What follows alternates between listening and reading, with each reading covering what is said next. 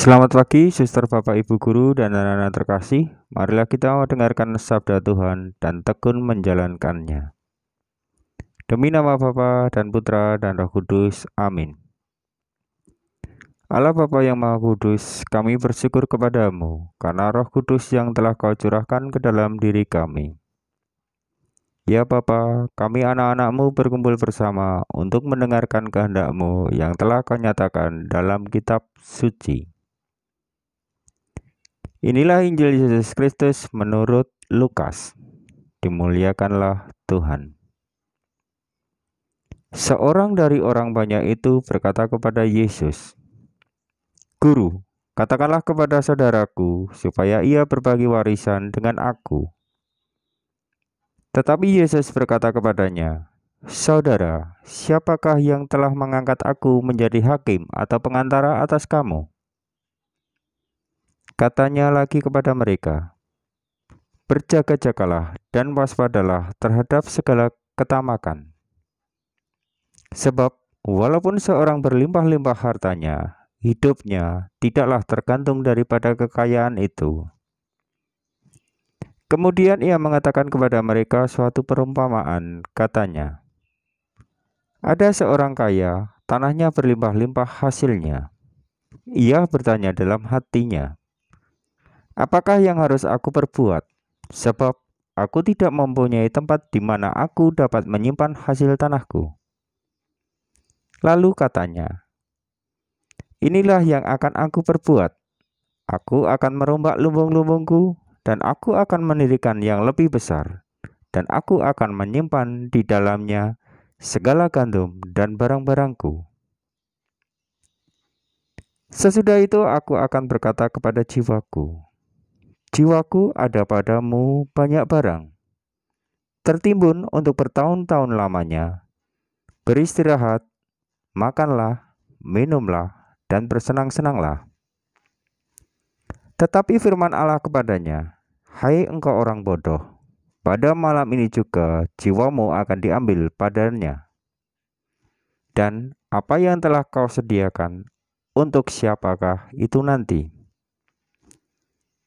Demikianlah jadinya dengan orang yang mengumpulkan harta bagi dirinya sendiri, jikalau ia tidak kaya di hadapan Tuhan.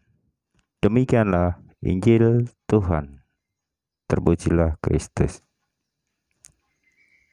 Sister, Bapak, Ibu, dan anak-anak, dalam bacaan Injil hari ini kita bisa renungkan siapa yang tidak ingin menjadi orang kaya.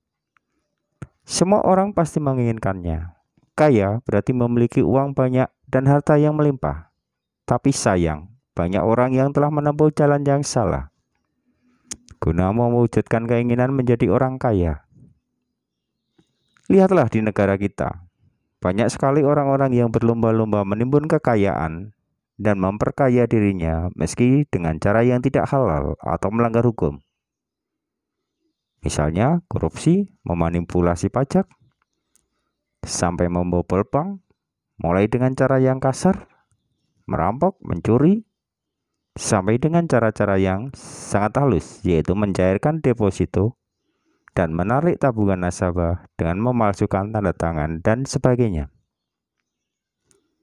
Kita sering terjerat oleh kesempitan cinta diri dengan membuat hidup menjadi sangat mewah. Bekerja terlalu keras dan melupakan perhatian pada keluarga dan sesama kita.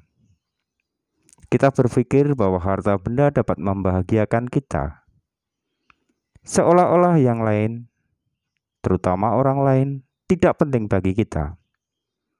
Kita merasa hidup sendiri dan berbahagia karena memiliki harta yang berlimpah. Hidup yang berarti dan penuh itu adalah hidup karena dapat berguna dan berbagi bagi orang-orang lain. Semoga dalam hidup ini kita makin mengerti bahwa hidup berarti berbagi dan membahagiakan bersama, bukan untuk dirinya sendiri. Kaya di hadapan Allah ialah merasa cukup karena anugerahnya, sehingga ia sanggup memberi kepada mereka yang membutuhkan. Sebaliknya, walaupun harta banyak, tetapi tidak mampu memberikan itu tandanya miskin. Jangan terlalu asik mengumpulkan harta kekayaan di bumi, sehingga kita lalai untuk mengumpulkan harta yang sesungguhnya, yaitu harta surgawi. Jangan sampai kita mengutamakan perkara-perkara duniawi, lalu mengabaikan perkara-perkara rohani.